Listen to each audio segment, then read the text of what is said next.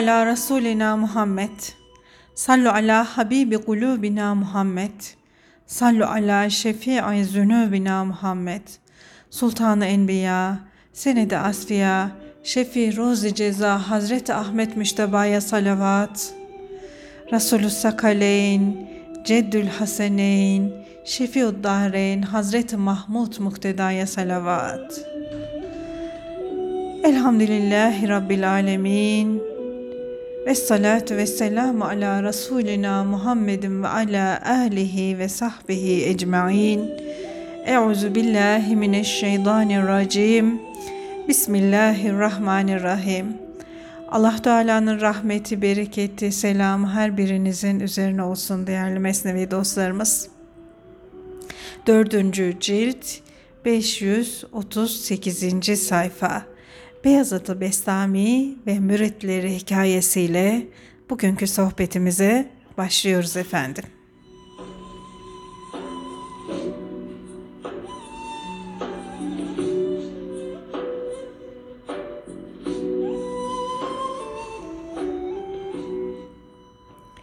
Manevi yokluk sahibi o büyük veli Beyazıt Bestami Hazretleri bir gün müritlerinin yanına geldi de işte hak bende tecelli etti dedi.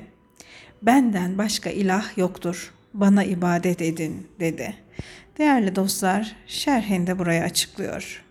Bu sözü söyleyen Beyazıt değil Cenab-ı Hak idi. Beyazıt'ın dilinden söylemiş idi. Nafile namazlarda kul Allah'a manen çok yakın olunca o dereceye gelen velilerin dilinden hak söyler. Gülşeni Ra sahibi Şeyh Mahmud Şebusteri bir ağaçtan enel hak sözünün çıkması hoş görülür de ezeli saadete ulaşmış bir velinin ağzından duyulması neden hoş görülmez diye buyuruyor. Şebusteri bu sözüyle Hazreti Musa'nın Medyen'den Mısır'a gelirken bir ağaç üstünde nur gördüğüne ve o ağaçtan ya Musa alemlerin Rabbi olan Allah benim sesini duyduğuna işaret ediyor Kasas suresi 30. ayeti kerime değerli dostlar. Dönelim bakalım Beyazıt Bestami ne demiş. O hal geçip de sabah olunca müritler Beyazıt'a sen böyle söyledin bu doğru değildir dediler. Beyazıt Hazretleri dedi ki eğer bir daha böyle sözler söylersem beni o anda hemen bıçaklayın öldürün. Allah bedenden münezzehtir. Benimse bedenim var. Böyle bir söz söylersem beni öldürmek gerek. O varlık ve benlik kaydından kurtulmuş olan Beyazıt böyle vasiyet edince müritleri keskin birer bıçak hazırladılar. Beyazıt Hazretleri o gece yine o tecelli şarabından mest oldu, yapmış olduğu vasiyette hatırından çıktı gitti.'' Tecelli şarabının mezesi geldi, onun aklı avare oldu, sabah ağardı, mumu çaresiz kaldı, işe yaramaz oldu. Kendinden geçmiş hale gelince yine o sözleri söylemeye başladı. Hayret ve şaşkınlık seli aklına kaptı götürdü de daha önce söylemiş olduğu insanı şaşırtan sözlerin daha fazlasını, daha kuvvetlisini söyledi. Cübbemin içinde Allah'tan başkası yoktur. Onu yerde ve gökte niçin arıyorsunuz dedi. Müritlerin hepsi de deli divane oldular. Şeyhlerinden aldıkları emir üzerine keskin bıçaklarla ona saldırıp bedenini bıçaklamaya başladılar. Her biri Girdekuh mülhitleri gibi çekinmeden kendi şeyhlerine pervasızca bıçak saplıyorlardı. Fakat şeyhe bıçak saplayanın bıçağı ters dönüyor, kendisini yaralıyordu.'' O hünerli şeyhin bedeninde bıçak yaralarından eser yoktu. Müritleri ise yaralanmışlar, berelenmişler, kana bulanmışlardı. Kim onun boynuna bıçak sapladıysa kendi boynunun kesilmiş olduğunu gördü ve inleyerek can verdi. Kim şeyhin göğsüne bıçak sapladı ise kendi göğsü yarıldı ve öldü. Müritlerin içinde o büyük velinin mertebesinden haberi olanlar ise onu yaralamaya yeltenmediler. Onu azıcık tanıyan irfanını eline bağladı da canını kurtardı. Yoksa o da ne yaptığını bilmeden kendini yaralayacaktı. Sabah olunca eksilen yani bazısı ölen ve bazısı ağır yaralı olarak bulunan o müritlerin evlerinden feryatlar, figanlar yükseldi.'' Şeyhin huzuruna binlerce erkek ve kadın gelip dediler ki, Ey dünya ve ahireti bir gömleğe sığdıran büyük veli, senin bedenin de diğer insanların bedenine benzeseydi, onların bedenleri gibi bıçaklarla yaralanır, harap olurdu.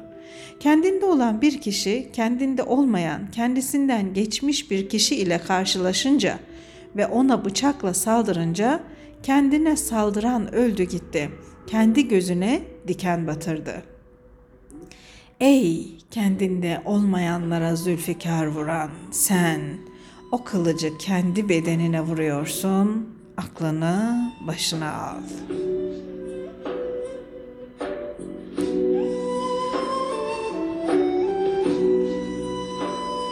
Çünkü kendinden geçmiş, kendi benliğini tamamıyla aşmış kişi maddi varlığından kurtulmuş yok olmuştur emindir, kurtulmuştur, ebedi olarak eminlik yurduna yerleşmiştir. Değerli dostlar, Hazreti Mevlana bu konuyu yani hak aşığının yok olmasını, fena fillah mertebesine ermesini şu rübayisinde çok güzel izah buyuruyor. Bir kul kendi benliğinden mutlak surette kesin olarak fani olmadıkça onun için tevhid, hakla manen buluşmak hakta yok olmak imkansızdır. Tevhid hulul değildir. Tevhid benlikten kurtulmak, varlığından sıyrılmak, yok olmak demektir. Yoksa manasız sözlerle batıl hak olmaz. Devam edelim efendim. Onun maddi şekli, sureti yok olmuştur. O adeta bir ayna haline almıştır. O aynada başkalarının yüzlerinden, başkalarının hayallerinden başka bir şey yoktur. Sen aynaya tükürecek olursan kendi yüzüne tükürmüş olursun. Yumruk vuracak olursan kendine vurmuş olursun. Orada çirkin bir yüz görürsen gördüğün sensin. İsa'yı yahut Meryem'i görürsen yine o sensin. Evet. Peygamberimiz de değerli dostlar mümin müminin aynasıdır diyor. Bugün psikologlar da aynı şeyi söylüyorlar. Eğer bir yerde bir hata çok yüzümüze çarpmaya başlamışsa hemen bir kendimizi kontrol etmeye başlamamız lazım. Acaba o hal bizde de var da onun için mi çok görmeye başladık? Aynayız ya.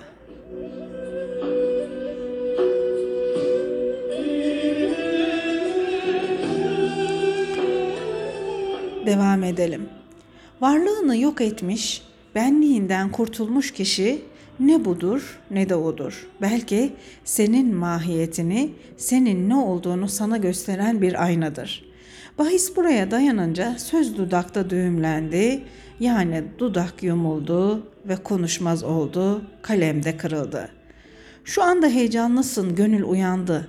Güzel sözler söyleme fırsatı ele geçti ama sen dudaklarını kapa ve daha fazla söz söyleme.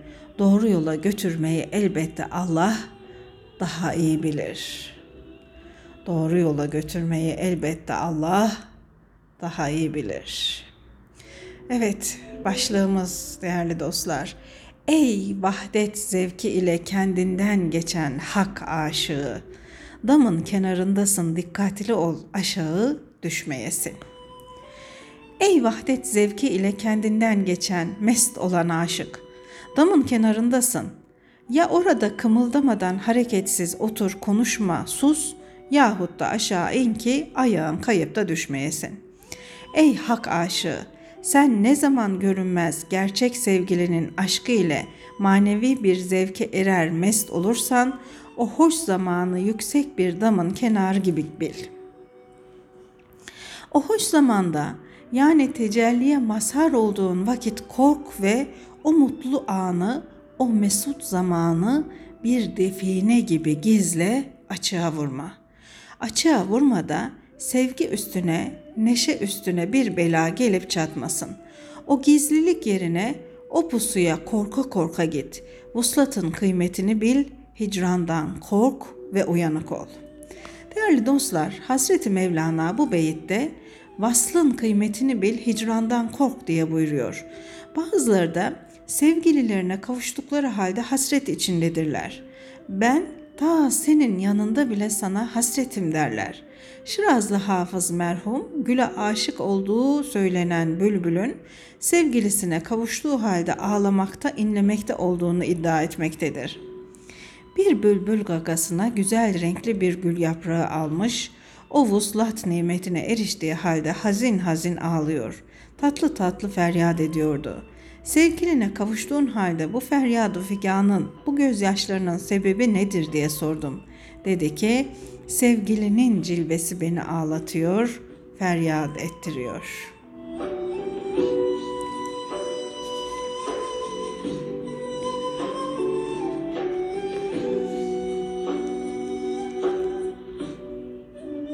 Hoşluk, mutluluk zamanında o neşenin geçip gitmesinden korkarsın.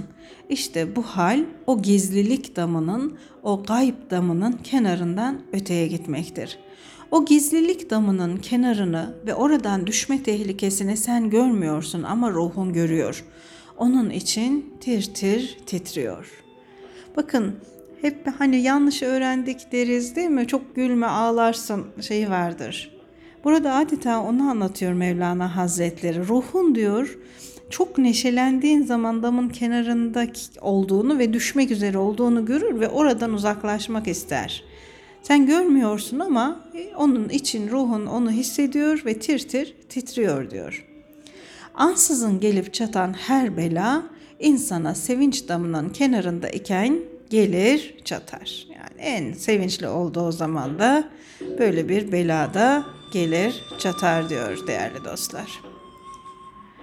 Bir başlık. Şarap edepsiz kişiyi daha da beter edepsiz eder. Şarap her yerde ve herkeste şer meydana getirmez. Kötü iş işlemez ama edepsiz kişiyi daha da edepsiz eder. Burada bir e, şiirden örnek verilmiş şerhinde değerli dostlar. Bedi maye olan anlaşılır meclisi meyde. İşret göher Adem'i temyize mehenktir. Yani mayası bozuk olan kişi şarap içtiği zaman ne olduğu anlaşılır. Şarap insanın cevherini ayırt eden bir mihenk taşıdır. Bir batılı yazar da aynen şöyle söylüyor. Şarap aklın kontrolünü kaldırır. Böylece ayıkırken gizlediğimiz ayıplar meydana çıkar. Devam edelim. Şarap içen akıllı kişi ise aklının parlaklığını daha da artırır. Fakat kötü huylu ise onu bütün bütün huysuz eder. Fakat insanların çoğu kötü olduğundan, ahlak bakımından beğenilmeyecek bir halde bulunduklarından o kötü huyu artıracak olan şarabın içilmesi herkese haram edilmiştir.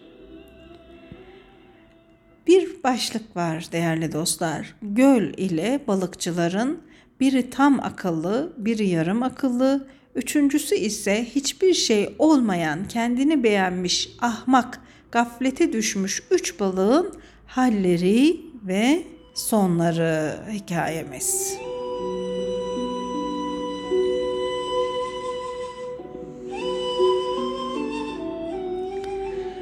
Birkaç balık avcısı bir gölün yanından geçtiler ve orada balıkları gördüler. Balıkçılar ah getirmek için koştular. Balıkların akılları başlarında idi, işi anladılar. İçlerinden akıllı olanı yolu tuttu. O güç, zor aşılır yolu ister istemez aştı. Kendi kendine dedi ki, bunlarla danışmayayım. Muhakkak ki bunlar gücümü, kuvvetimi gevşetirler, beni zayıf düşürürler.'' Bunların boğazlarına düşkün olmaları, yem yiyecek sevgisi, tembellikleri, bilgisizlikleri bana da sirayet eder. Değerli dostlar, danışmak Müslümanlıkta gerekli bir şeydir. Ancak danışacağımız kişilerin akıllı olmasına, iyi olmasına, ahlaklı olmasına dikkat etmemiz gerekir. Yanlış insanlara danışmak, bazı fikirlerimizi, projelerimizi öncesinde anlatmak maalesef onun yapılamamasına, gerçekleşmemesine sebep oluyor. Mevlana Hazretleri de yüzyıllar öncesinden bunu bize haber veriyor bu hikayede bakın. Onların diyor düşkün boğazlarına düşkün olması, yiyecek sevgisi, tembellikleri bana sirayet eder. Ben bunlara danışmayayım diyor akıllı balık. Danışacaksan bir diri ile danış ki seni de diriltsin. Ama öyle bir diri nerede? O akıllı balık kendi kendine dedi ki arkadaşlara danışmadan, onların fikirlerini almadan denize bir yol bulayım. O çekingen balık göğsünü ayak edindi de o tehlikeli duraktan Nur denizine kadar gitti. Değerli dostlar, bu beyitte geçen tehlikeli durak heva ve heveslerle, kötülüklerle, haksızlıklarla dolu dünya alemi. Nur denizi ise vahdet denizini, hak ve hakikat denizini anlatıyor hikayede değerli dostlar. Devam ediyorum. Ardına köpek düşmüş olan ceylan gibi o ceylan can korkusundan bedeninde tek bir damar birazcık güç kaldıkça koşar durur. O balık gölden yüzdü gitti. Uzak bir yola, geniş bir yola düştü. Denizin yolunu tuttu. Değerli dostlar, Richard Buck'ın Martı isimli bir romanı var. Bir de Mavi Tüy isimli bir Mesih'in Yolculuğu isimli belki de Mevlana'nın Mesnevi'nin bu bölümünden e, ilham almıştır o yazar kim bilir. O e, orada da bir balık e, kendisini kurtarmak için suya kendini bırakıyor ve denize ulaşıyor. Onun hikayesi anlatıyor. Mavi Tüy isimli küçük bir kitap. Tavsiye ederim onu okuyabilirsiniz değerli dostlar. Burada da bakın akıllı balık her şeye rağmen bütün e, güvenlikli hissettiği o gölden kendini zorluklara atıyor ve Nur denizine gark oluyor, ulaşıyor. O balık gölden yüzdü gitti. Uzak bir yola, geniş bir yola düştü, denizin yolunu tuttu. Çok zahmetler çekti fakat sonunda eminlik yurduna, selamet diyarına kavuştu. Kendini uçsuz bucaksız denize attı. O öyle bir denizdi ki onun kenar ve kıyısını bu gözle görmeye imkan yoktu. Derken balıkçılar ağı getirdiler. Yarım akıllı balık bunu gördü, ağzının tadı kaçtı. Eyvah dedi, ben fırsatı kaçırdım. Nasıl oldu da akıllı arkadaşa yoldaş olmadım? O ansızın gidiverdi ama o gidince benim de hızla ardına düşüp gitmem gerekirdi. O iyi arkadaş denize kavuştu, gamdan kurtuldu. Bense öyle iyi bir dostu kaybettim. Ama şu anda onu düşünmeyi bırakayım da kendi kendime bir çare bulayım. Ben şimdi kendimi ölü göstereyim. Suyun üstüne çıkayım, karnımı yukarı döndürüp sırtımı suya çevireyim de öyle durayım. Mesnevi'nin önceki ciltlerinde değerli dostlar ölü papağan hikayesi vardı değil mi? Kendini ölü gösteren papağan hikayesi. Burada da bakın balık kendini ölü gösteriyor. Su üstünde saman çöpü gibi nasıl akar giderse ben de öyle akıp gideyim. Yüzme bilen balık gibi yüzmeyeyim. Kendimi ölmüş göstererek suya bırakıvereyim. Ölümden önce ölmek azaptan emin olmaktır. Balık dediği gibi yaptı. Sanki ölmüş gibi karnını yukarıya çevirdi. Su onu bazen aşağıya alıyordu, bazen de yukarıya atıyordu.'' Tutmak isteyenlerin hepsi de hayıflanıyorlar, yazık diyorlardı. En iyi balık ölmüş. Onların hayıflarını duyan balık ise seviniyor, oyunum işe yaradı, kılıçtan kurtuldum diyordu. Usta bir balıkçı onu tuttu. Tüh yazıklar olsun ölmüş diye onu yere itti. Balık sıçraya sıçraya gitti, gizlice kendini suya attı. O ahmak balıkçı ise orada bocalayıp duruyordu. O aptal balık canını kurtarabilmek için sağa sola sıçrıyordu. Evet yarım akıllı olan balık da kendini ölü göstererek kurtardı değerli dostlar. Şimdi o aptal balıkta sıra. Aptal balıksa çırpınıp duruyordu. Derken balıkçılar ağ attılar. Balık ağ içinde kaldı. Böylece ahmaklık onu ateşin üstüne attı. Ateş üstünde bir tavanın içinde ahmaklığı yüzünden yanmaya kızarmaya mecbur oldu. Allah'a ve onun peygamberlerinin getirdiği dine inanmayanlar da ahmaklıklarından cehennemde böyle olacaklardır. O yakıp kavuran ateşin harareti ile yanıp yakılırken akıl ona sana bir haberci ve halden korkutucu gelmedi mi diyordu. Ahmak balık o işkencenin, o belanın içinde ahirette kafirlerin diyecekleri gibi Mülk suresinde anlatılıyor bu değerli dostlar. 6. ve 9. ayet-i kerime Mülk suresi size bir uyarıcı gelmedi mi denmesi ahirette kafirlerin diyecekleri gibi evet diyordu. Yine o balık diyordu ki bu boyun kıran mihnetten, bu işkenceden yani tava içinde kızarmak azabından kurtulsam denizden başka bir yeri yurt edinmem, gölde, gölcükte yurt tutmam. Uçsuz bucaksız olan Nur denizini ararım, esenliğe ulaşırım. Orada ebedi olarak sağlıkla, selametle ömür sürerim. Evet değerli dostlar.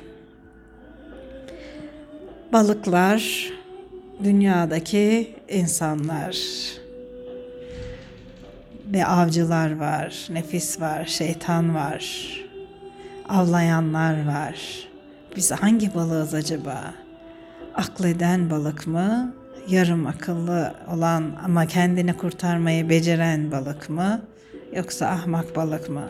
Kendimize dönüp bir bakalım. Allah onun gönderdiği emirlere, yasaklara uyan, iman sahibi, hidayet yolunda daim olan, Resulünün izinden giden halis müminlerden eylesin inşallah hepimizi. Allah'a emanet olun, sağlıkla, sevgiyle kalın efendim.